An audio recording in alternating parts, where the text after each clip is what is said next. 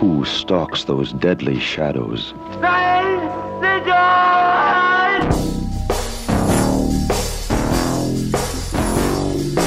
Fear, so intense, it will stay with you to the grave.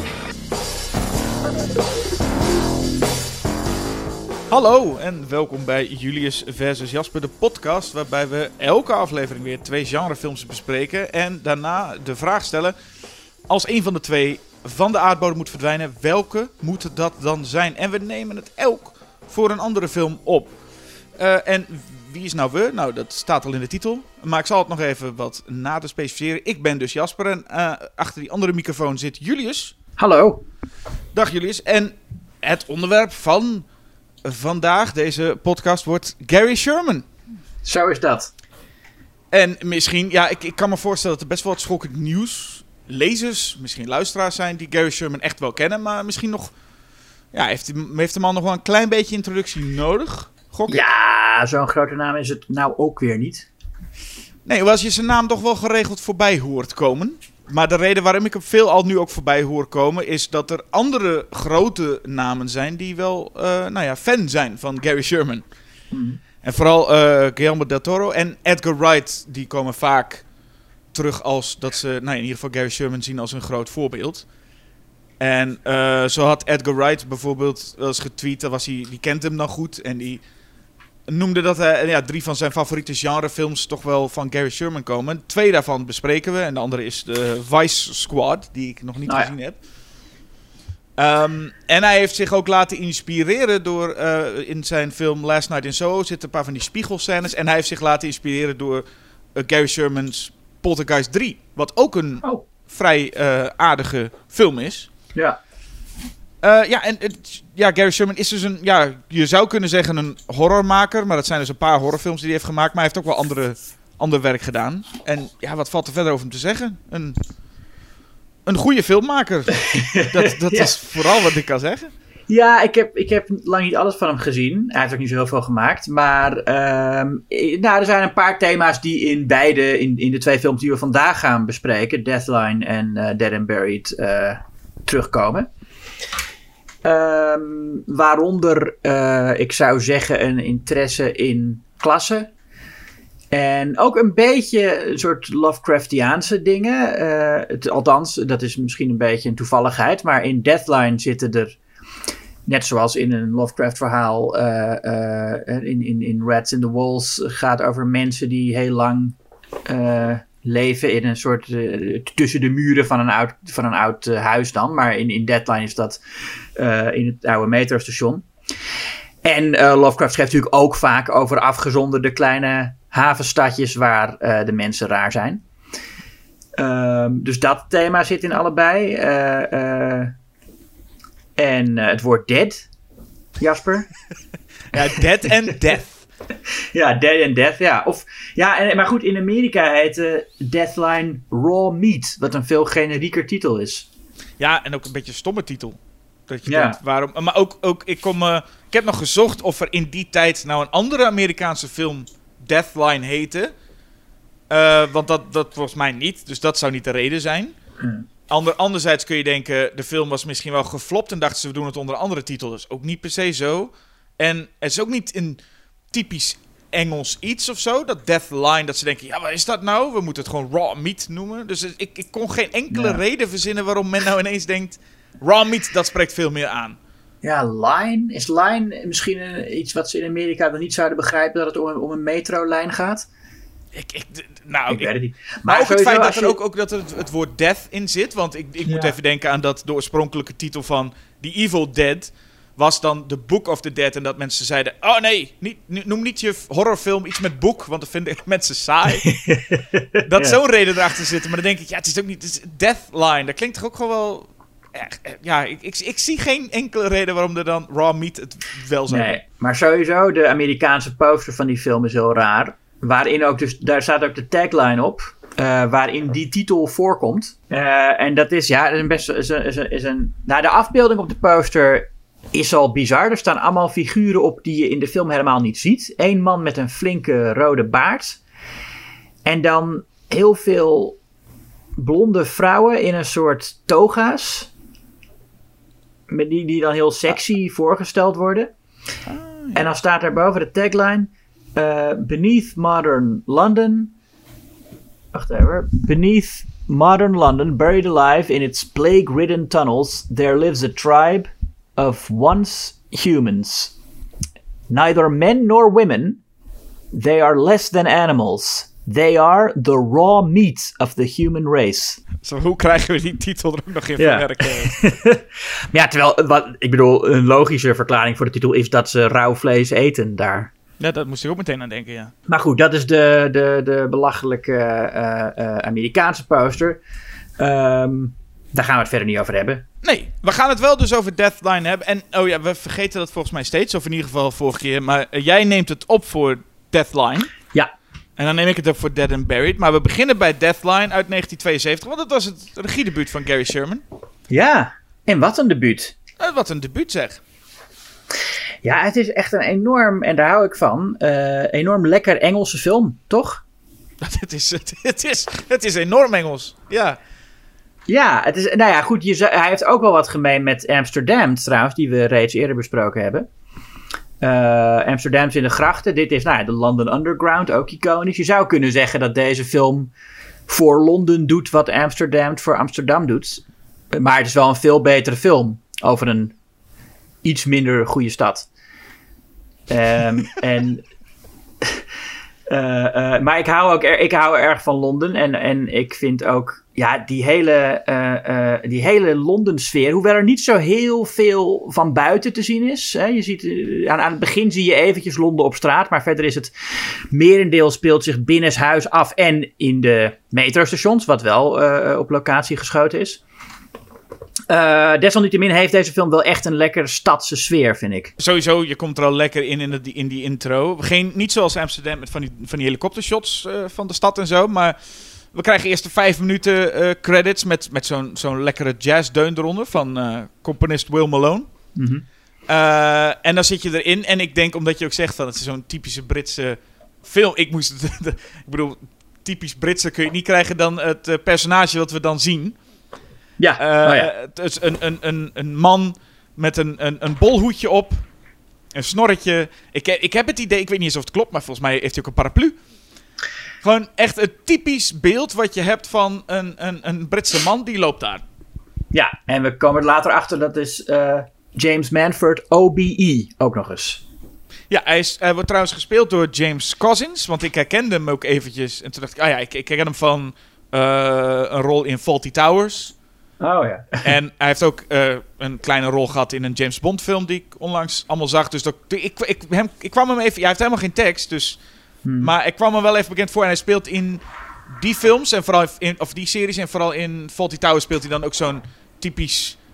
Zo'n Brits bekakt figuur. Oh ja. Eh, dus ja, wat dat betreft een goede casting. Maar in ieder geval, deze man loopt eh, in, in het, op het metrostation Russell Square. En dat is waar deze film nou ja, over gaat, grotendeels. Ja, eh, en ik geloof dat een merendeel van de scènes wel in een metrostation zijn opgenomen, maar niet in, eh, in Russell Square, maar in, eh, nou heb ik dat, in een ander metrostation. Ja, die, de het oh hier, Elditch was het, ja. Voor, voor de meeste van de metroscènes, ja. Ja. Maar goed, dat doet er verder niet toe. En het is dus een, een, ja, een, een, soort van Britse eh, eh, eh, film met al, een Britse cast. Gary Sherman is dan een Amerikaanse maker. En er is dus één Amerikaans personage. Er wordt ook weer even aandacht aan gegeven dat er komt uiteindelijk een stelletje. Of vrij snel in de film komt er zo'n stelletje. Alex en Patricia. Met eh, zij is Brits, hij is Amerikaans. Wat een Ja. beetje een element is waarmee gespeeld wordt. Is als zij deze man, deze meneer James, op het perron aantreffen. Dan ligt hij daar. Waarbij zij zoiets heeft van, oh, we moeten hem helpen, we moeten hem helpen. En hij dus eigenlijk zoiets heeft van, ja, er ligt een, een man in de metro. Dat is, eh, dat is vaste kost in, eh, in. Amerika. Daar wordt een Ja. beetje mee gespeeld nog, waarom hij dan zoiets heeft van wat laconieker is met, nou ja. eh, Ja, zij zegt ook nog, we're not in New York. En dat Ja. zijn we zeker niet. Maar het is wel het moment waarop dus dit, dit stel zo'n man ziet. En die man verdwijnt op een gegeven moment. Het lichaam is verdwenen als de politie erbij wordt gehaald. Ja. Eh, en, en ja, daarmee wordt het allemaal in, in, in gang gezet. En dat is lekker, lekker simpel. Gewoon, man, eh, man verdwijnt op een metrostation. Eh, en een stel is daar getuige van. Ja, En uiteindelijk nou ja, gaan ze dus, die, die man, de, de, de, de, de student, hoe heet die jongen? Ni- Ja. Niet zo'n goede rol trouwens. David Ladd als Alex Campbell. Campbell. Ehm, Deed mij een beetje denken aan een jonge Jeff Bridges. Overigens Oh. niet qua acteren hoor. Maar eh, Nee, dus hij ja. lijkt een beetje op een jonge Jeff Bridges. Maar goed. Het is niet ja, een goede ja, rol. Nee, vind ik niet een goede rol. Maar wie wel een heel goede rol heeft, Oh, is ja, de, eh, Donald Pleasance. Eh, ik dacht even dat je nu ging zeggen Patricia. Nee, Maar nee, nee, is ook het, niet zo bijzonder. Het, het stel is niet zo bijzonder, maar als Donald Pleasance vervolgens komt, ja, ja. dit is wel een van zijn allerleukste rollen, toch? zeker. Dat is zonder enige twijfel. Ik denk inderdaad, ja, we kennen hem veel al van dus Halloween en eh, als, nou ja, we hadden het net over James Bond, maar eh, ik denk wel een van de meest memorabele schurken van James Bond, maar beide rollen eh, zijn niks vergeleken met deze rol, vind ik. Dit Nee, is wel vind ik echt ook, Donald ja. Pleasance op zijn best. En hij mag in Amerikaanse films moet hij ook altijd een beetje het beeld eh, eh, spelen wat Amerikanen dan clichématig van Britten hebben, dat ze allemaal eh, beschaafd en intelligent zijn. Maar hier mag hij echt een working class type spelen. En dat is echt heel, vanaf het begin al duidelijk eh, dat deze film echt over dat hele klasse ding en klassenstrijd in Engeland gaat. Hij is de working class politieman. En die Manford die dan verdwenen is, dat is OBE, Order of the British Empire. Dus dat is een heel hoge pief ergens. En dan heb je die twee studenten, waar Donald Pleasance ook een beetje een hekel aan heeft. Van dit heel langharig werkschuw tuig, eh, vindt hij dat.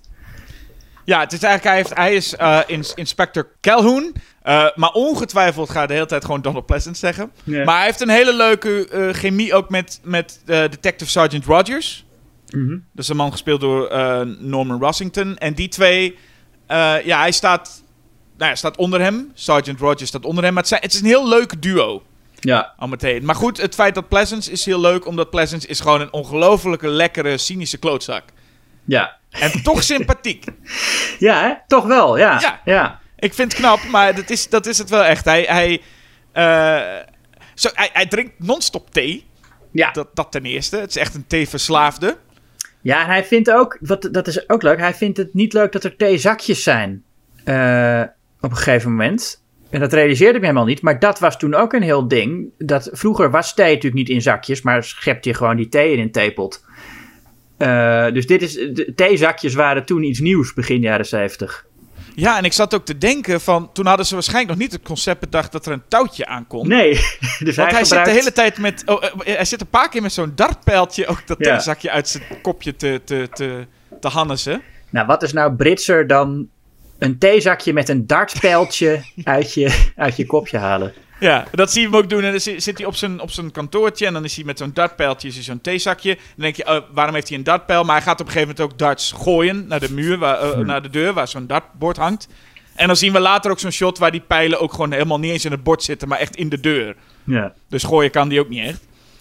Eh, maar hij is non-stop aan het thee drinken. Tot het een van de leuke momenten vond ik dat hij wakker gebeld wordt s'nachts. Hmm. Of, of 's ochtends heel vroeg, maar midden in de nacht wordt hij wakker gebeld omdat er iets ergs gebeurd is. En hij wordt wakker en het eerste wat hij doet is thee inschenken, want het staat gewoon naast hem op het nachtkastje. Dat staat al klaar. Dat is het eerste wat hij kan doen, is een kop thee inschenken. Ja, Dat ja. is mooi. Ja, is geweldig. Ja, nou ja, eh, eh, heel typisch allemaal. En, maar ik denk de reden dat hij sympathiek blijft, ondanks het feit dat hij soms een klootzak is, is ook dat er echt op hem neergekeken wordt door andere personages. Hè, dat hij is, hij is gewoon de underdog als de working class eh, eh, politieman. En als hij dan bij een onderzoek Christopher Lee tegenkomt, die bij MI5 zit, dan, is, dan is wel meteen heel duidelijk hoe de verhoudingen daar zijn en wie de machtspositie heeft. En, en ik vind het trouwens ook, het is een heel korte scène. Eh, Christopher Lee zit in één scène in deze film. Ja. Ehm, maar ik vind het ook wel een van zijn beste en meest indrukwekkende rollen, denk ik. Ja, het was ook een grappig verhaal. Dat, dat, dat Gary Sherman had maar weinig budget. Maar Christopher Lee wilde graag meedoen voor maar weinig. Omdat hij graag met Donald Pleasance s- samen wilde werken. Ja. En je zou bijna zeggen dat hij graag met Donald Pleasance in één beeld wilde komen. Eh, dat is niet helemaal gelukt. Eh, omdat die twee niet in beeld samen pasten. En ik vind het nog steeds een beetje een raar verhaal. Want Gary Sherman kreeg die twee Omdat Christopher Lee een hele lange man is en Donald Pleasence een kleine man. Hij kreeg ze niet samen in één beeld. En dat is heel raar, want dan krijg je volgens een scène die, als je dit, dit, deze informatie niet zou weten, je zou denken deze film is gewoon opgenomen los met Donald Pleasence en Christopher Lee. Want ze worden echt van voren, niet eens over shoulder, Ja. maar gewoon van voren gefilmd. Dus ze praten eigenlijk in de camera naar elkaar toe. En meestal wordt zoiets gedaan als je de andere persoon niet erbij kon hebben. Terwijl dit Ja. juist het hele punt was. Christopher Lee wilde graag eh, een scène met Donald Pleasence. En dan werd het zo los gefilmd. En er is eigenlijk maar één shot dat ze samen zijn. En dat is als Christopher Lee gaat zitten. Ja. Terwijl je had best zijn lengte juist in het voordeel van die scène kunnen gebruiken natuurlijk. Ja, het voelt ook. Ik, ik, het klinkt heel stom, maar het voelt een beetje als ga dan iets naar achteren als het kan. En dan heb je ze allebei in beeld. Want juist dat het zo'n grote man tegen zo'n kleine man is, dat, juist heel, dat werkt juist heel goed. Maar Ja, maar ik vind dit ook goed werk hoor. Ik vind het heel goed werk dat Christopher Lee in zijn eentje dat hele shot domineert. Eh, dat hij daar staat en dan zegt hij ook... Ik vind het sowieso een, een van de mooiste zinnen die eh, Christopher Lee zegt. Die om de een of andere reden, nadat ik de film één keer had gezien, gewoon echt in mijn hoofd zat. Your dainty little footsteps are echoing in places where one is well advised to tread lightly. ja. Zo mooi. En dan, Zo- de stem van, zo- zo- en dan de stem van Christopher Lee erbij. Ja, dus dan, Ja. Dan, dan, dan ben je er hoor. Ja, ja. Ja, en dan inderdaad met Donald Pleasence als nog steeds, ook niet onder de indruk van deze, deze man, maar blijft gewoon een beetje een, een klootzakje. Ja, En dat is ook heel fijn. Want dat is hij dus tegenover mensen die onder hem staan, maar ook tegenover mensen die boven hem staan. ja. Blijft Ja, hij gewoon precies. hetzelfde. Hij loopt ook met, eh, ehm, met Rogers loopt hij dan rond en dan gaat hij gewoon een beetje zo kijken op, eh, eh, op, de, ehm, op die locatie. Volgens mij is dat het huis van die hoge pief aan het begin. Mhm. En dan is het ook gewoon zo'n zinnetje als van... nou, is hier nog iets waardevols om te jatten? Zoiets zegt hij dan. Ja, ja, ja. En dat vind ik sowieso heel leuk. Want eh, op een gegeven moment komt Donald Pleasence wel in conflict met die Alex, die Amerikaanse jongen. Maar hoe hij omgaat met al die andere mensen en die daar ook gewoon normaal mee omgaan. Zoals bijvoorbeeld een heel klein zinnetje is als Rogers het kantoor binnenkomt en hij op een gegeven moment zegt... Ja, eh, eh, go arrest someone, Rogers. Gewoon puur van ik wil hem even wegsturen. Ja. Dat vind ik hele fijne, leuke dialoogzinnetjes om iemand gewoon weg te krijgen. Want zo is hij. ja, en ook, hij is ook meteen al, als hij hoort van die James Manford die verdwenen is, dat hij dan ook met zo'n soort posh accent gaat praten aan de telefoon van, oh, OBE. Ja, ja, ja precies. Ja, ja, Dus, ja. eh, ja. Ja, en hij zegt ook tegen Alex, dan is hij Alex aan het interviewen over de, hè, aan het ondervragen over die, wat er gebeurd is met die man die verdwenen is. En dan zegt hij ook zo even op een, op een, eh, is een strenge ondervraging en daarna eh, begint hij ook een beetje van, nou, volgende keer als je zo'n hoge pief vindt, wil je hem dan niet kwijtraken alsjeblieft. En dan klaar. Ja. Ik denk, wat Ja. een fijne opmerkingen zijn dit, zeg. ja. En, en de laatste die ik heel leuk vond in dat gekibbel tussen Pleasance en Rogers is ook dat eh, Pleasance ook zegt van ja, al die rijke lui, al die rijke lui. I never paid more than 20 quid for a suit. En dan Ja. zegt Rogers, een hele leuke comeback is, well, some say you were robbed, sir. en dan dat denk ik, dat is toch een hele fijne, nette manier om iemand af te zeiken eigenlijk. ja. Dat denk ik, die, dat zoiets ga ik onthouden. Als mensen zeggen, ah, ik betaal nooit meer dan 20, eh, 20 dollar voor een pak. En dat je dan alsnog zegt, nou, sommige mensen zouden zeggen... nou, dat Ja, het, is vind ik echt- dat- het is bijna als een sitcom geschreven soms, hè? ja, en heel scherp hoe ze op elkaar reageren. Ik denk, nou, dit is, dit is, dit is wel goud. Ja, Over sitcoms gesproken. Eh, we maken ook kennis met eh, Clive Swift. Ik, ja, ik, ik herkende meteen, maar ik wist niet waarvan. En ik zat me op te vreten. ja. En ik dacht ineens van, wie is dat nou toch? En, de, en die man, en op een gegeven moment wordt hij ook bij naam genoemd, Richardson. En ik dacht, Richardson? Richard? Richard, het is Richard. ja. Van Schone Schijn. Van schone schijn. ja, zo heette dat toen inderdaad.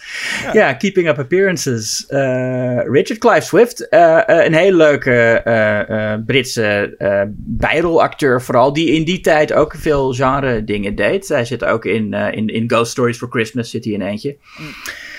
Ehm, die altijd toch ook, ja... Een, een, hij, hij, is, hij, is, hij is heel herkenbaar. Ook in zijn spel altijd, hè? Ja, zeker. Het nou ja, super herkenbaar. Ik, wat, ik had meteen zoiets van, ik ken Ja. hem gewoon. Ja. Maar ja, ik kon er even niet inderdaad opkomen. Maar het is een, het is een hele kenmerkende verschijning. Klopt. Ja, en hij, nou, hij weet het verhaal te vertellen zoals Clive Swift dat eh, heel boeiend kan vertellen.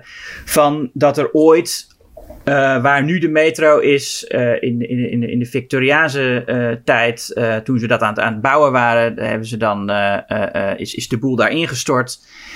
En um, zijn daar, ja, ik, ze, konden niet, ze konden het niet betalen om die mensen eruit te halen. Dat is, een, dat is belangrijk, hè? dat het niet is van die mensen die. Er werd ervan uitgegaan dat ze dood waren, maar het is echt er was niet genoeg geld om te checken of ze nog leefden. Dus ze hebben het maar gewoon zo gelaten. Ook al waren er mensen die zeiden. Je kan daar nog best overleven, want er zitten daar wel ruimtes waar je dan in kan zitten. Um, maar de hoge heren hadden daar geen geld voor. En nou is het, het verhaal dat die mensen daar misschien nog steeds wel generaties lang hebben gezeten. Dat is ook wat. ja. Dat is een beetje Texas Chainsaw Massacre-achtig. Uh, en het is twee jaar eerder. Maar ik moet ook bij die scènes waar je dan inderdaad die familie ziet... wel erg aan uh, Texas Chainsaw denken. En het is grappig, want in Texas Chainsaw...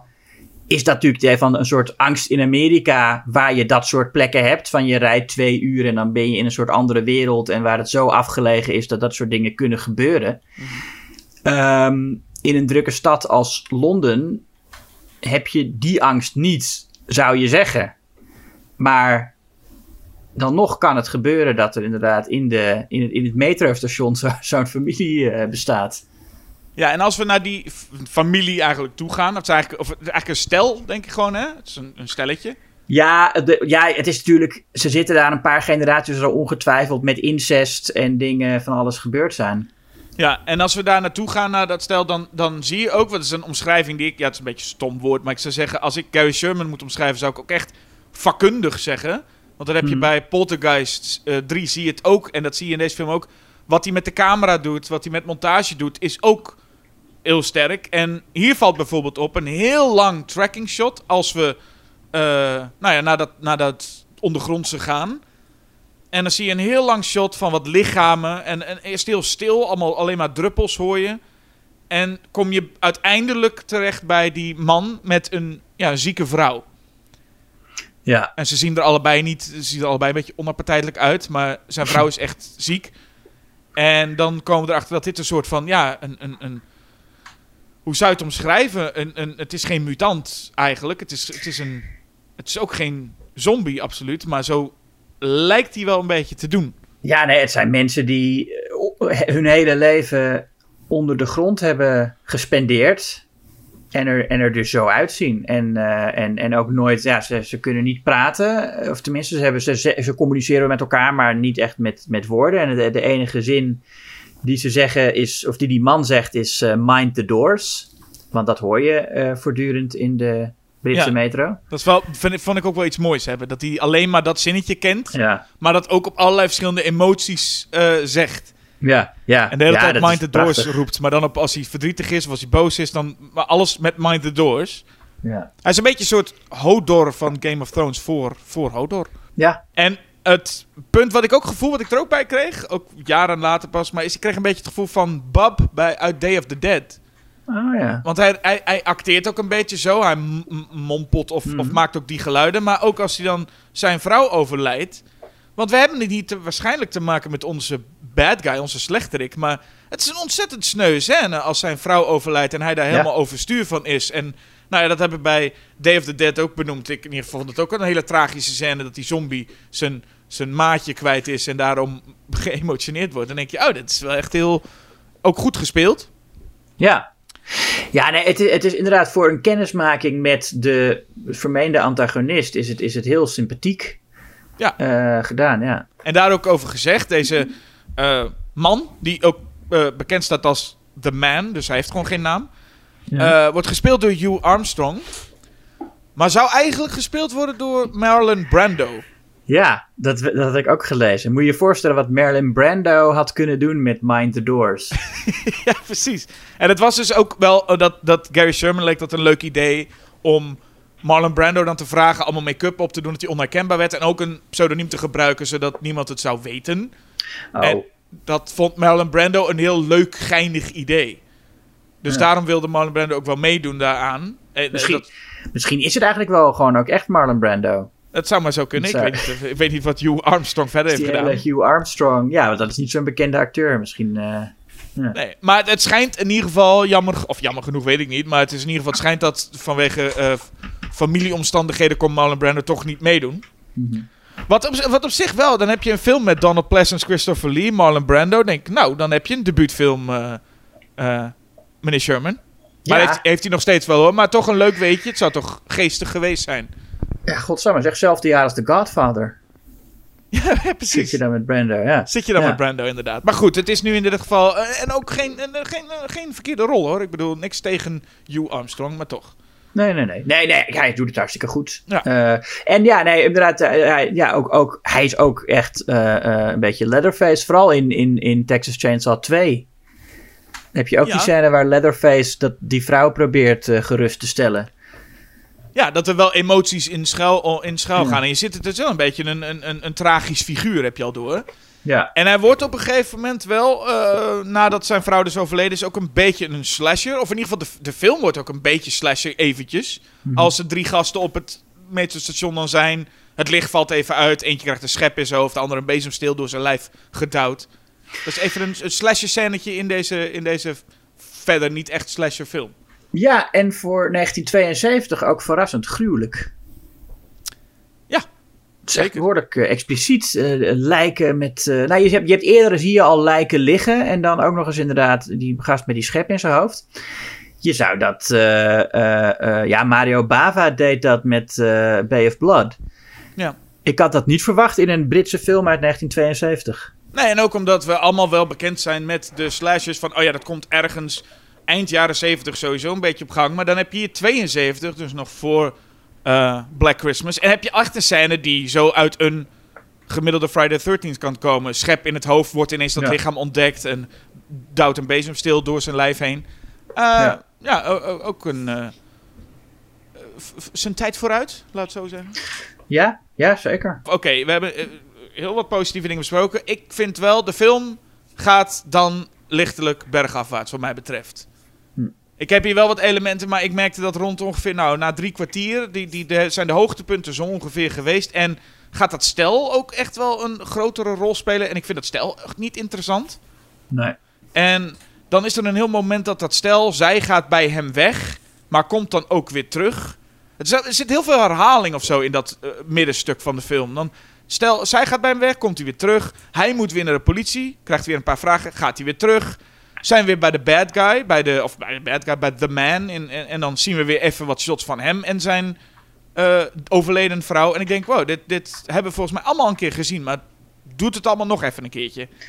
Ja, en je- aan hun heb je ook niet zoveel. En dat, dat stel, die, dat zijn gewoon geen interessante personages ook. Eh, ik, en, ik snap ook niet zo goed. Nou ja, er zit natuurlijk wel dat in van eh, die man is een Amerikaan en een student. En dan heb je ook nog een soort eh, intellectuele klasse erbij in, in dat hele klassenverhaal. Dus ik snap op zich wel waarom dat dan relevant zou zijn. Maar ik vind hun als personages gewoon niet eh, boeiend. Nee, en het is wat die, die, ik, weet, die slasher-conventies waren er nog niet echt. Maar je, Mhm. je voelt echt, dit, worden, dit, dit stel is geïntroduceerd om maar dat stel aan het einde van de film te zijn. De, de, de climax moet met hen en zeker met haar zijn. Zij is de, de, de nou ja, final girl, zoals ze dat volgens mij Ja. nu willen neerzetten. Ja, eh, wat ik trouwens wel, wat me opviel, zij heeft in haar studentenkamer, of nee, het is eh, zijn huis waar zij eh, verblijft ook, hè? Ja, dat is ook nog een ding natuurlijk. In die tijd was dat ook nog een beetje controversieel. Maar goed, daar hangt in elk geval een poster van Le Chat Noir.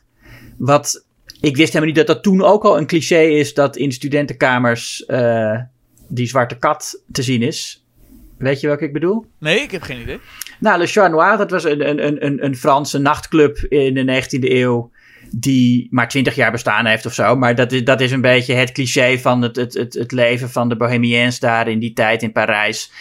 Eh, du- dus eh, to- toen ik student was, en volgens mij nog steeds wel, neem ik aan.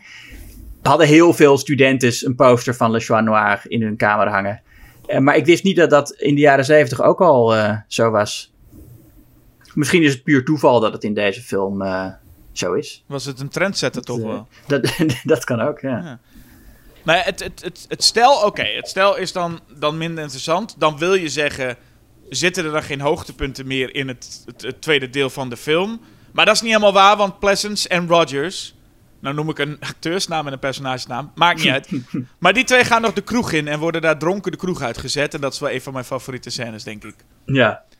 En ik weet, ik, ik, ja, dat, dat is ook voor mij het gevoel van eh, deze film. Had het hele stel had er niet in hoeven zitten. Had gewoon die drie. Had, had eh, Pleasance, Rogers, had Richard uit Schone Schijn gewoon bijgeflikkerd. Had die gewoon allemaal gewoon, gewoon lekker, lekker gevolgd. Maar ik, nee, ik mis ze gaandeweg wel. Want in de, de uiteindelijke climax is, is Pleasance afwezig, wat mij betreft. Ja. En dat is wel een gemis, want het is een van zijn beste rollen. En dan had ik hem ook het liefst gewoon de hele tijd willen zien. Ja. Maar het einde moet dus toch ja, een beetje meer de, de kant op van eh, eh, Alex en Patricia. eh, zij wordt ontvoerd door The Man. En zij gaat dan ook, verandert, ja, zij gaat dan ook, wordt dan ontvoerd. En komt dan in die ondergrondse plek met allemaal ratten. En dan gaat ze ook schreeuwen en gillen. En meer doet ze dan ook niet meer. En dat, ja, dan, dan denk je helemaal van, oh, dit, dit is nu eigenlijk haar rol. Schreeuwen, dat is altijd jammer. Ja, ze is heel bang voor die rat. En dan komt inderdaad de man. Die, eh, die maakt die rat dood. En laat zien, kijk, hij is, hij is dood. Dus je hoeft niet meer bang te zijn. Ja, het, het, het blijft echt wel een aandoenlijke man. Maar het is Ja. en, en ook als zij dan ontvoerd wordt, dan schreeuwt ze ook helemaal niet zo hard als dat ze voor die ratten schreeuwt. Schijnbaar zijn die ratten enger dan alles wat daar verder Hmm. nou ja, goed, dat is natuurlijk, dat kan ik me wel voorstellen. Dat je- dat een soort, een, soort, een soort laatste druppel is of zo. Ja, maar, het- ja. maar goed, het, ik vond het een beetje jammer. Het, nou, ze, ze staat nog net niet op een stoel met een rok omhoog. Nee, nee ja, tuurlijk, je hebt gelijk. Dat, Zij is, eh, nee, ja. Nee, en dan komt die Alex, wat ook al een beetje een, een, beetje een sufkut is. Die komt dan echt hem, haar redden. En ja, dat, dat is niet zo sterk. Dat had, eh, ik vind dat, eh, dat eh, Mind the Doors meneer en, en, en Donald Pleasance een betere film tegen het einde hadden verdiend. Ja, dat is wel zo, dat is ook wel zo, ja. Nou, het einde is nog wel... Ja, hij komt nog wel even, Donald Pleasance, hè, aan het einde. Als dan, en dan daar zitten daar weer een paar enorm lange shots in. Van mensen die in de, door een lange tunnel lopen. Hmm. En ik, ik weet niet of het, of het nou... Ik, ik vond het interessant, maar ik had ergens het gevoel van... eh, Sherman is hier ook met pacing echt iets aan het doen. Waarvan ik denk, goh, wat een bijzondere keuze soms. Ja, Met ineens hele lange shots. Waar ze, nou ja, in ieder geval ik meestal ze niet verwacht. Ehm, en ook de climax is wel vrij snel voorbij. Het is een klein worstelscènetje en dan eh, is, het eigenlijk ook, is het eigenlijk ook wel gebeurd. Hè? Eh, ik vind het nog wel leuk als, als afsluiter dat er dan aan Donald Pleasance nog gevraagd wordt van... eh, en, en hoe zit het nou met NI5, eh, MI5? En dat hij dan zegt, oh ja, inform them. Van, hè, dat, dat, dat eerder is hem verteld van jij bent maar een politiemannetje, laat, hou je hier maar buiten, wij zijn de grote jongens. En dan zegt hij aan het einde van, nou ja, informeer ze even wat er gebeurd is. Ja. Wat toch nog mooier was geweest, toch, als hij... Niet omdat ik graag alleen maar Donald Pleasance wil zien, maar wat ook mooier geweest was... als hij er echt een hele actieve rol in had gehad. Ja, ja. zeker. Maar dat heeft hij dus niet. Hij komt gewoon aan het einde, de aftermath, komt hij nog eventjes naartoe lopen. Hij was gewoon toevallig ter plaatse, voelt het. Was mooi geweest als hij ook nog iets van een betekenis had daar. Daar kon hij dat nog even in Christopher Lee's gezicht eh, wrijven. Ja, ja. Nou ja, desalniettemin, ik vind het een, eh, een, eh, een, een mooi verhaal. En ook het. Ja, dus ik bedoel, dat is niet heel expliciet politiek of zo. Maar wel, je hebt toch een beetje dat idee van de vergeten arbeiders. Hè, die destijds in de 19e eeuw daar eh, begraven zijn. Die nou weer wraak nemen. Van, letterlijk vanuit de underground, maar ook figuurlijk. En eh, de hoge pieven opvreten. Eh, ja, dat, dat zit er natuurlijk wel allemaal in. En een, een, een schurk waarbij je eigenlijk het woord schurk niet eens wil gebruiken, want dat is het helemaal niet. Nee, de echte schurk is Christopher Lee. Zoals altijd. ja. En, en er wordt ook nog genoemd eh, Constable Piers Morgan. Die zie je niet, maar er wordt aan de telefoon één naam eh, eh, genoemd van iemand, Piers Morgan. Oké. Nou, dat is, dat is nu de grootste lul van het Verenigd Koninkrijk. Dat is gewoon een journalist, interviewer. Ah, Oké. Ken je niet? Nou ja, nee, dat is de, de meest gehate man van, eh, van het Verenigd Koninkrijk is dat. Oh. Maar grappig dat die naam hier al in zit. Ja, dan is, er, dan is er volgens mij niet veel anders te doen dan de simpele volgende stap te zetten. van Ja. wat, ook, wat Gary Sherman ook deed. Want in 1972, en dan duurt het vervolgens negen jaar voordat je je volgende film maakt. Ja, Eh, een Zo bijzonder lange tijd, toch wel. ja. Maar zijn eerstvolgende film was Dead and Buried. Eh, Eh, 1981. Goed, en jij zei net al even over dan de... Jij beschreef net even de poster van, van Raw Meat. Eh, Hmm. Ik kan wel zeggen, laten we dan ook even over de poster van Dead and Buried hebben. Want dat is wat mij betreft wel een van de mooiste filmposters die ik ken. Eh, ik ga even kijken. Je be- bedoel je dan die poster waar dat hoofd uit de grond komt? Ja, ik geloof, ik geloof dat Ja. er maar één poster eigenlijk is. Maar ik vind dat een, een, een prachtige poster. Ja, ja, oké, ja. Nou, ik had, er, ik had er nooit zo goed naar gekeken. En ik kende voor mij ook wel andere, maar gewoon DVD-hoesjes of zo. Ehm, ja, nou ja, nee, het is een goede poster. Zeker. Ja, je hoeft het ook niet per se met me eens te zijn. Dat nee, ik zit ernaar te kijken. Ik denk, het is wel mooi. Het is mooi. Het is mooi. Het is goed. Het is prima. nou ja, het is, ik zit ook wel te kijken. Het is ook net zoals die tagline van eh, Raw Meat. Het is ook niet echt dat je... The creators of Alien bring a new terror to Earth. Dan denk je dat het over buitenaardse wezens gaat, toch? Eh, ja, ik, ik, ik, ik zou ook zeggen, als er een poster beschikbaar zou zijn zonder die tagline, dan zou ik dat ook zeker wel eh, voor Ja. gaan. Maar dat is natuurlijk een trucje en dat heeft te maken met dat het script van Dan O'Bannon en Ronald Suzette komt. Twee mensen die s- samen schreven ze Alien en Total Recall. En natuurlijk met Alien in, in, vers in het achterhoofd werd dat natuurlijk meteen op de poster geflikkerd. En het schijnt dus ook dat Dan O'Bannon eigenlijk zich al heeft gedistanceerd van deze film. En eigenlijk gezegd heeft, ja, Suzette heeft deze film geschreven. En ze hadden enkel mijn naam nodig ter promotie. En hij heeft allemaal wel suggesties gegeven, eh Dan O'Bannon. Maar die zijn allemaal niet toegevoegd. Dus hij was ook niet echt heel amused over deze film. Maar het was te laat om zijn naam van de film af te krijgen. En anders, ja, dat is dus vooral de reden eh, dat de naam Dan O'Bannon en dan dus ook de makers van Alien zo groot Ja, worden ja, ja, eh, benoemd. Ik vind het leuk dat jij eh Suzette zegt. Alsof hij Frans is. Of is dat ook zo? Ik heb geen flauw idee. Ik denk, ik, met achternaam, je doet maar wat en dan zie je het wel. Nou, Maar ik, jij- ik zou Suzette zeggen. Maar Shazet. geen idee of hij dat... eh, dat is, maar leuk, leuk. Ik, ik, nee, eh, goed. Ronald zei ik wel, dus dan moet het dan ook Ronald. Ronald Suzette. Ja. Maar ehm, eh, wat interessant is aan deze poster vind ik ook, want het is eigenlijk, als je deze poster ziet, en je ziet ook de, de tagline, dat is, ja, het is niet de tagline van eh, eh, The Creators of Alien, maar dan de tagline eronder staat ook, It will take your breath away, puntje, puntje, puntje, all of it. ja. En denk je, het, het, het, het, en ook deze poster, het zegt ook helemaal niks, hè? Nee. Het zegt helemaal niks. En dat vind ik ergens goed. Ik bedoel, het, het, het zegt helemaal niks. Dus je hebt ook geen flauw idee waar, waar, waar je naar gaat kijken, denk ik. Ja, het is echt zo'n in een generieke, eh, nou, een generieke titel sowieso, maar ook een, een ontzettend generieke tagline. Je denkt van iemand heeft dan gezegd, oké, we doen gewoon It will take your breath away als tagline. En dan zegt iemand, ja, maar wacht eens even, die, is, die, die tagline is al vaak genoeg gebruikt. Er moet iets bij. Dus oké, eh, gewoon alles. Ja, precies. Het, Of dat mensen ook inderdaad, dat je ook denkt van it will take your breath away. Dat mensen dan misschien denken van, nou dat valt toch wel mee. Maar dan zeg ik, wacht, wacht, wacht. Maar allemaal, oh, alles. Oh, ik dacht ik kan nog wel een beetje ademen. Maar, Maar echt oh, nee, niet meer. Oh nee, dan, nee. ja. dan, vind, dan, dan vind ik het eng. Ehm, nou, een film die dus eh, ja, een, een video nasty werd in Engeland. Ik weet Ja. dat nog in- eh, relevant is om te, te, te vermelden. Maar echt, de, de reden waarom ik het... eh, de, ik, ik had de film al eerder gezien. Jij niet, geloof ik, hè? Nee.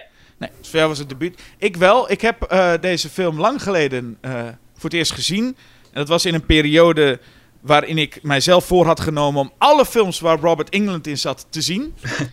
Iets wat ik niet iemand echt kan aanbevelen om te gaan doen. Dat is een missie waarbij je veel ook troep krijgt. Hmm. Eh, maar er zit af en toe echt een film tussen waar, nou, waarvan je denkt, nou, dit is... Dit is en nee, deze film, ja, de, Robert England zit erin. Zover kun je, zover kun je stellen. Heb je ook dan eh, die Barbara Streisand eh eh, eh, Stars Born gezien? Nee, die heb ik, die heb ik Oh. daarin gemist. Maar eh, eh, nee, die is zeker op de lijst gekomen met die moet ik eens een keer gaan zien. Maar ik, heb ik kwam ook titels tegen waarbij, waar hij dan twee seconden in zit. Ja. En, en eerlijk is eerlijk, als hij een rol heeft, eh, eh, is natuurlijk veel al bekend als Freddy. Maar in, er zijn best wel wat rollen waar je echt wel ziet dat het een goed acteur is. Hij wordt ook wel eens gezegd een soort hedendaagse Vincent Price. En dat geloof ik ook wel, dat er een, hij, hij speelt echt goede rollen af en toe. Ja, Vincent Price had meer echt een persona dat hij in elke rol was, min of meer. In elke grote rol van hem. En Ja. Engeland is gewoon, als hij Freddy is, is hij Freddy. Maar verder heeft hij niet echt een, een, een, zo'n, zo'n persona, volgens mij. Nee, het is, ook, het is meer een, een, een acteur die ook, ja, als je, als je bepaalde films ziet, zie je ook dat het echt wel een goed acteur is. Het is ook echt zo'n Mm. klassiek getraind acteur die eh, eigenlijk te, te, te, te, nou ja, de, de rol van, van in zo'n science fiction serie als, als V of in een in, horror franchise als Nightmare on Elm Street, al zijn theatercollega's zouden erop neerkijken en hij dacht, nou ik ga het maar doen. Maar zo komt hij ook altijd over als je hem in interviews ziet. Zo'n welbespraakte man die heel veel weet over de Europese cinema. Maar Ja. ondertussen natuurlijk wel in films zit als zombie strippers en zo. Ja. Uh, maar een, een, een, in ieder geval acteur waar ik veel van gezien heb. En nou, in deze film kan ik nou niet zeggen, hij maakt deze film. Hij speelt Nee. gewoon een rol en het is leuk om even een jonge Robert England te zien. Ja, en dit was natuurlijk voor Freddy, de 1981. Ehm, dus als hij ook een verbrand hoofd ziet en zegt van... eh, mo- moet je zien wat er met die man zijn gezicht gebeurd is. Dan denk ik, nou eh, Robert, wacht, wacht jij Wacht. maar. Wacht maar af. ja. Eh, foreshadowing. Ja. Ehm, maar wat dus wel zo is, is dat ik deze film zo gezien had. Maar ik wist er niks meer van. Hm. En dat vond ik heel fijn, want toen ik de film dus deze keer ging kijken, kon het een beetje zijn als dat ik het voor het eerst keek. Want ik had geen idee waar het ook naartoe zou gaan. Schijnbaar was ik dat helemaal volstrekt vergeten. En dat is bij deze film toch wel relevant, vind ik, ergens. Eh, ja, ik, ik vind het echt een film die je moet kijken. Eh, even, ik ben eigenlijk gewoon benieuwd wat het doet als je deze film al alles al weet. Maar dit is echt een film die mysterie op mysterie heeft. En je vooral meeneemt in die zoektocht van waar de fuck gaat dit naartoe? ja, precies. Ik was ook aan het begin, ik had echt geen idee wat er zou gaan gebeuren. Het is daarom meteen al een... een eh, want toen die, die, die, het begint met een fotograaf op een, op een strand. Ja. En tijdens de, de openingssequentie is het, is, zijn, zijn we heel lang bij hem en we zien hem al die foto's maken. En hij heeft ook een beetje de uitstraling van iemand die de hoofdrol gaat spelen in deze film. Dus ik dacht, ah, daar hebben we onze protagonist. Ja, en ik, was, ik had de film dus gezien en dacht dat nog steeds. Want ik wist ergens van, het gaat over een man in een klein dorpje, zo'n plaatsje, en dat is dan in dit geval Potter's Bluff. Eh, zo'n plaatsje waarvan je denkt, nou, eh, daar komt een man binnen en die gaat allemaal dingen ontdekken. Dus ik zat echt met mijn hoofd ook met, dit is de hoofdrolspeler. Ja, dat, de luisteraar helaas kan dat nu niet meer, maar eigenlijk moet je ook zo naar die film kijken, dat je denkt, dit is de hoofdpersoon. Ja. En dan is het een, ja, toch een, een flinke verrassing dat hij eh, vrijwel meteen eh, vermoord wordt. Of nou niet, nee, een Nee. moordpoging gedaan wordt, komen we later achter, want het, is niet, het lukt niet. Hij wordt in de, in de fik gezet. Ja, En in een auto eh, weer geplaatst alsof het dus een ongeluk was. En dan komt onze echte hoofdpersoon, Sheriff Daniel. Die komt erbij en dan eh, zien, ziet zien ze het ook als een ongeluk. En dan moet ik zeggen, eh, als ze dan even dat, zien dat hij nog leeft... Echt een hele goede jumpscare vond ik dat. Ja. Dat hij nog, dat lichaam zie je nog even, dat verbrande gezicht. En dan ineens gaat die mond wagenwijd open. ja. Dan denk ik, wow, dat was ja, een hele effectieve jumpscare. Ik, ja eh, Sherman houdt wel van eh, eh, de aftermath, hè? Dat zie je ook heel erg. Ik vond het in Deathline ook en hier ook. De meest gruwelijke dingen, dat zijn eigenlijk als het geweld al heeft plaatsgevonden en je ziet de, de lijken of in dit geval het verwonde lichaam. Daar is hij heel erg in geïnteresseerd. In deze twee films althans. Want dit is eigenlijk gaat het in, in eerste. Dat eigenlijk, ja, we hebben wel Sheriff Daniel. Nou ja, logisch, zo'n zo'n typische sheriff die gewoon maar allerlei dingen om zich heen ziet gebeuren en het mysterie moet oplossen. Prima. Maar het gaat voornamelijk om. Wij zien al vrij snel wat er gebeurt, want er is nog een moord. En we zien allemaal mensen. Er komen, dus het is niet één moordenaar. Het zijn allemaal mensen komen erop af. Ze maken ook foto's Mhm. tijdens die moordpartij. Ze zijn met licht eh, aan het flitsen.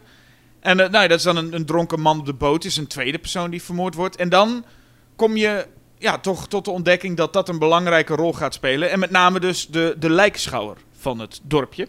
Ja. Gespeeld door eh, Jack Albertson, die we allemaal kennen als... Nee? Ik heb geen idee. Wie? Nee, wat ga je zeggen? Oh, opa Joe uit Willy Wonka.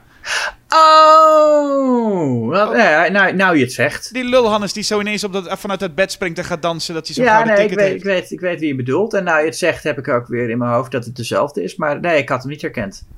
Nee, ja, het was ook. eh, ja, volgens mij is het zijn laatste rol ook. Eh, ze- ze- Het is echt al een. Ja, ik was echt een oude man. Dat was hij toen ook al wel. Ja. Eh, maar het was een van zijn laatste rollen, geloof ik. Ja, want hij is in 1981 ook overleden. Op 74-jarige leeftijd. Die man ziet er ouder uit dan. eh, dan 74. Dat niet was. Ja. Nou ja, goed. Maar in ieder geval, dat is dan de lijkschouw. En er wordt iets mee gedaan. En heel toevallig ben ik net begonnen Dat is naar aanleiding van ook een tijdje geleden hadden wij een podcast over The Haunting. Ik ben nu net begonnen met de serie The, The Haunting of Hill House. Waar terwijl er dus ook een lijkschouw in zit die, die, die haar werk heel serieus neemt. En echt een soort van voelt van ik ben hier eh, ja, kunst aan het maken. Maar deze man is dat helemaal. De lijkschouw hier is echt ik ben een kunstenaar. Mensen Ja. weer repareren. Ja. En dat, nou, dat speelt hier natuurlijk een hele belangrijke rol. Maar dan weten we dan nog niet precies hoe het zit. Dat is sowieso, je, je hebt geen, geen flauw idee. Als het goed is, geen flauw idee waar dit naartoe gaat. Eh, nee, als het goed is niet. En, en waarschijnlijk ook niet. Nee, daar wordt best wel goed mee, mee gespeeld. Je ziet wel dat er iets aan de hand is in het stadje, maar je weet nog niet wat. En nou ja, eh, op een gegeven moment zit. We weten wel, in, in elk geval weten we dat het een, een behoorlijk eenkennig eh, stadje is. Zoals in veel Amerikaanse horrorverhalen. Eh, hebben ze het over zo'n zo'n zo'n havenstadje waar de mensen dan niet, het niet echt van op, op buitenstaanders hebben. En die politieman die is ook daar wel geboren, maar die heeft heel lang ergens anders gezeten en die komt dan weer terug. Net zoals eh, dat Lovecraft verhaal trouwens. Ja, en ik moest trouwens denken, jij, jij, jij noemde al Lovecraft. Ik, moet, ik moest zeggen dat deze film een enorme Stephen King vibe heeft voor mij. Dit had, Ja, ook, dit had ja, zo een Stephen ja. King verfilming kunnen zijn. Ja. En een andere film waar ik heel erg aan moest denken was, vergelijk was eh, The Fog van Carpenter. Ja? Ook gewoon, ook, ja, gewoon thematisch en qua toon en zo. Eh, Ook, ook wel een beetje omdat het hier ook de hele tijd mistig lijkt te zijn. Het is een hele mistige film. Ja, maar dat, heeft, dat is ook gewoon hoe het gefilmd is. Het is behoorlijk eh, vaag. nee, het ziet er soms ziet het echt een beetje vaag uit. Toch?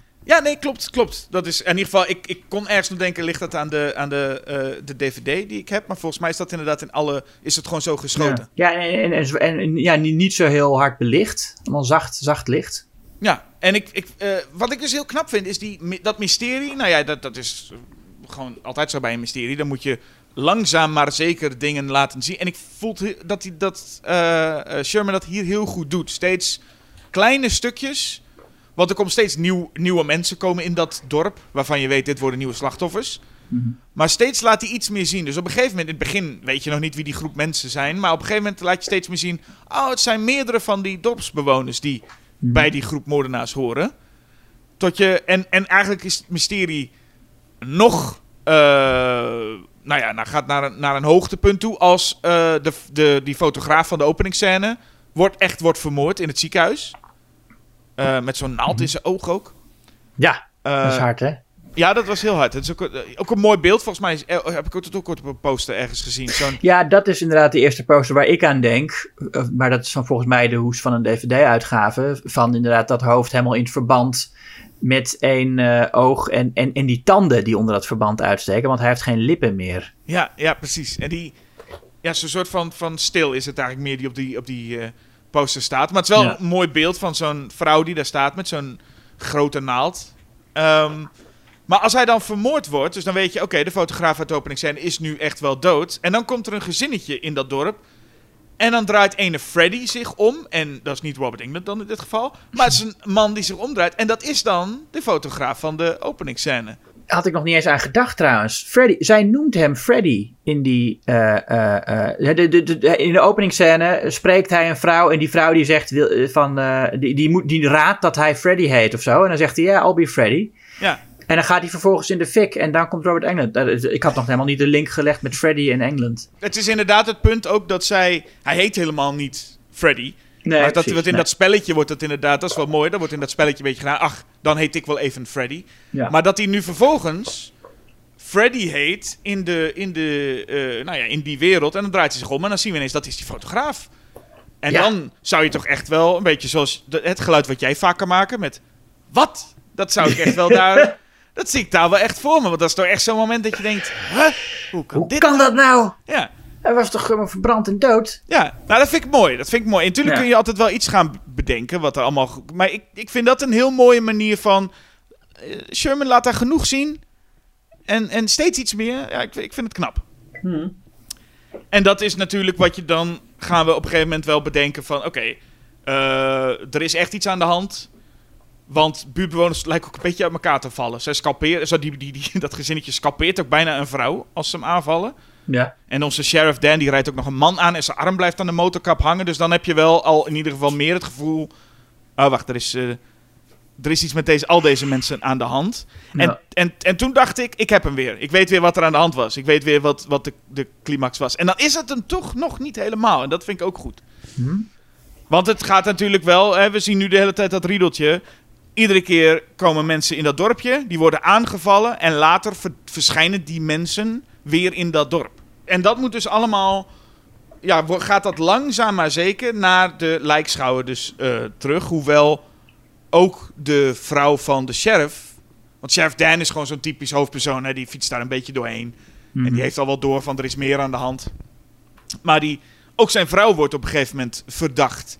Die heeft zo'n boek met hekserij en dergelijke. Ja. Eh, waardoor ook, ja, ook de, altijd maar weer de vraag is van in hoeverre heeft zij daarmee te maken. Ja, je ziet daar ook les geven aan, eh, aan, zij is juf en ze geeft les aan allemaal kinderen. En heeft het ook over, over voodoo. Ehm, en dan zegt ze ook, dat vind ik wel grappig, voodoo is basically a religion. Maar ja, voodoo is gewoon letterlijk een, een religie. Waar, eh, ook, ook gewoon nog steeds een levende religie trouwens. En ik, vind het, ik heb het altijd raar gevonden dat dat, heb ik volgens mij ook wel eerder gezegd in deze podcast afleveringen waar we het over voodoo gehad hebben. Dat dat een beetje de enige religie is die in dit soort films gewoon neergezet wordt als, ja nee, dat is zwarte magie. Ja, ja precies. Terwijl, ter- terwijl dat gewoon niet zo is. Het is gewoon een heel normale religie die eh, meer gemeen heeft met katholicisme dan met eh, zombies. Dat is allemaal niet, nou ja. Nee, het is ook, eh, ik denk dat, het zal Child's Play geweest zijn, gok ik. Waar we het Oh hadden. ja, ja, nee, klopt. Ja, Maar ja. eh, wat waarschijnlijk toen ook al zeiden, het is altijd zo'n ding dat gebruikt wordt. De, de regels zijn zo onduidelijk dat je altijd een boek op tafel kan flikkeren. Kan zeggen iets met voodoo. En dan, Ja. kan, dan kan alles, dan, kan, dan kunnen zombies weer terugkomen. Dan kunnen, eh, weet ik veel, dan kunnen mensen vliegen. Ja, maar het is, het, het is natuurlijk wel echt eh, racistische propaganda die ervoor gezorgd heeft dat voodoo die reputatie heeft. Nu is het eigenlijk gewoon een middeltje met, oh, hier komen we even qua regels niet helemaal meer uit. En dan is het Ja, antwoord voodoo. Ja. En niemand stelt ook meer vragen daarna. Nee, En hier komen we bij de lijkschouwer. Een hele mooie scène trouwens, hoe de lijkschouwer een vrouw... Dan zien we hoe een lijkschouwer echt een vrouw aan het fixen is. ja, Eh, en dan gaat hij vervolgens weg en dan komt er een andere persoon waardoor de vrouw dan opstaat. En dat is, en is ook allemaal één lang shot. En daar hadden we het in eh, Dead- eh, Deathline ook al over. Dat ja, Sherman dus af en toe ook gewoon gebruik maakt van mooie, lange, knappe shots. Ja, het is een, een soort. deels met stop motion gedaan, volgens mij. Hoe dat, hè, hoe, hoe dat, hoe dat, dat, dat hoofd steeds meer lagen krijgt. En van een, eh, een, een schedel naar een weer her- helemaal hersteld hoofd toe gaat. Ja. Ehm, ja, nou ja, wat ik net zei. Je ziet echt hoe, hoe Sherman bezig is met het, het lichaam. En wat je allemaal met een menselijk lichaam kan doen in een, in een, in een horrorfilm. En in Deathline was het nog alleen maar, ja, je kan het, eh, je kan het opeten. En, en, maar je ziet wel dat hij echt een soort fascinatie heeft ook voor de ontbinding van lichamen. Ja. Ehm, en hier is hij ook bezig met inderdaad het herstellen van het lichaam. Ja, het is een beetje alsof, hij, alsof Sherman wel iets van zichzelf in die lijkschouwer legt. Die zo gefascineerd is met dat. ik moet mensen weer repareren. Ik moet mensen Ja. weer mooi maken. Ehm, en, en doordat hij die lijkschouwer dat laat doen, weg laat lopen. En iemand anders komt binnen. En nou ja, is daar dus eh, verantwoordelijk voor het tafereel waarop het lichaam weer opstaat. Dus we hebben hier met zombies te maken, weten we nu. Mhm. Eh, dat wordt nu bevestigd in ieder geval. Ehm, kun je ergens nog denken, misschien is de lijkschouwer dan juist onschuldig. En is iemand anders die dat verantwoordelijk voor is. Waarbij we de- allemaal denken aan Janet, de vrouw dus van eh, Sheriff Dan. Ja. Ehm, nou ja, uiteindelijk moeten we naar de, de, de, de grote ontknoping. En dat is als, alsnog dan, dat klinkt nu, klinkt nu niet als, als een ontknoping, dat de lijkschouwer erachter zit. En het hele dorp bestaat eigenlijk uit zombies. ja. En nou, dat vind ik al interessant, want het is, we zeggen nu een paar keer al zombies, maar het is absoluut geen klassieke zombiefilm. Nee, het zijn zombies die zich gewoon als mensen gedragen, maar die dus helemaal zo gemaakt zijn als ze zijn door eh, die lijkschouwer. En zelfs hun herinneringen heeft hij gemaakt. Ja. Dus hij heeft eigenlijk gewoon dat hele dorpje is allemaal staat onder zijn controle en die mensen vinden het prima. Die weten niet beter. Nee, hun leven zal waarschijnlijk niet heel veel anders geweest zijn dan, eh, eh, in ieder geval in dat dorpje. Nou ja, het gaat niet. Dat is, eh, die mensen blijven altijd dezelfde leeftijd. Dat is het, het, eh, het, het bijzondere eraan. Toch? Dat ze niet ouder worden. Dat maakt het eh, voor die lijkschouwer ook interessant. hij, hij wil er zelf ook een worden. Ja, want wat we vooral meekrijgen zijn nu steeds buitenstaanders. Ik ga er even vanuit dat het misschien al een dorpje was, maar misschien was het dus helemaal geen dorpje. Wat is het? Allemaal buitenstaanders die gaandeweg een dorpje zijn geworden. Dat hij gewoon is begonnen op een gegeven moment met dat hij ook dat dorpje heeft opgericht. Nou ja, omdat we zien de hele tijd nu, in, in de film zien we de hele tijd alleen maar buitenstaanders. Die in ieder geval deel van het Ja. dorpje worden. Hé, jij bent nu jij bent op vakantie. Oh, leuk. Jij, ik noem jou even Freddy. En daarna ben je een van het dorp. Ja. Eh, maar dat kan dus maar zo dat dat gewoon begonnen is met een leeg dorpje. En die man is daarmee begonnen. Nou, nee, maar dan heeft hij heeft niet al die huizen gebouwd. daar, heeft hij, daar heeft hij een aannemer voor laten komen. Ja, dat is wel waar. Nee, het was, het, was, het was gewoon al een stadje en daar gingen mensen dood. En toen heeft hij. Hij is, heel, hij is wel heel lang bezig met alle dooien tot leven wekken. Ja, nou ja, Ja. in ieder geval. En, en Janet, de vrouw eh, van, eh, van Dan, is wel zijn meesterwerk, noemt hij dan. En in principe dacht ik hier dat het ook ophield. En dan komt er nog, en dat is, ja, het is toch wel leuk als zo'n film dat dan nog... Heeft er nog een twist. Hmm. En dat is dan... eh, eh, ja, we zijn er zo van het spoilen, maakt er helemaal geen hol meer uit. Maar dat is dus de laatste twist. Dan is er ook eentje. Gewoon. Ja, al die tijd was je het zelf. Nou ja, dat is nu een beetje een cliché, maar in 1981 was dat ook nog wel echt best wel een verrassing. Dat de, de persoon die je volgt al die tijd zelf, of niet, of was dat toen ook al? Ja, je had natuurlijk wel sci-fi films waarin dan ook bleek dat die man al die tijd al een robot was. Ja, ik durf niet, ik, durf- ik durf niet te zeggen dat het toen eh, nog niet eerder gedaan was. Maar ik heb wel het gevoel Nee, dat het nu een beetje, een beetje bijna in de lijn der verwachtingen ligt van... Natuurlijk is dit Ja. ook wat er nu gaat gebeuren. Ja. Maar dat heeft ook te maken met het feit dat ik deze film... En we, we noemen het al een beetje de, de, de, de Stephen King vibe die ik erin zag. Misschien was er wel helemaal geen twist nodig. Het voelde ook alsof deze film gewoon zonder twist zo door kon gaan. Dus ik vond het bijna een extraatje. Ook al is, lijkt deze film voornamelijk als mysterie in elkaar te zitten... met steeds iets meer kom je te weten tot het einde... Als deze laatste twist zou ontbreken, dan was het niet meteen een mislukte film geweest. Nee, zeker niet. Nee, ja, het is ook wel weer. eh, nou, nou, ga, nou, nou moet ik ook eh, de Dunwich Horror van Lovecraft eh, spoilen. Maar dat, nou ja, ik zeg gewoon dat dat spiegelt ook het einde van, van, van dat verhaal. Van je kan wel wegvluchten uit, het, uit de plek waar je opgegroeid bent, maar uiteindelijk ho- hoor je daar toch bij en ben je het zelf. Eh, Ja. ja. Wat hier dus ook gebeurt. Ja, die man die, die hij wilde die, die, die mentaliteit van het kleine stadje waar iedereen hetzelfde is en hetzelfde denkt. Daar, daar, daar wilde hij voor wegrennen, maar toen kwam hij toch terug en toen bleek dat hij ook, dat dat zo diep in hem zit, weet je wel. Ja.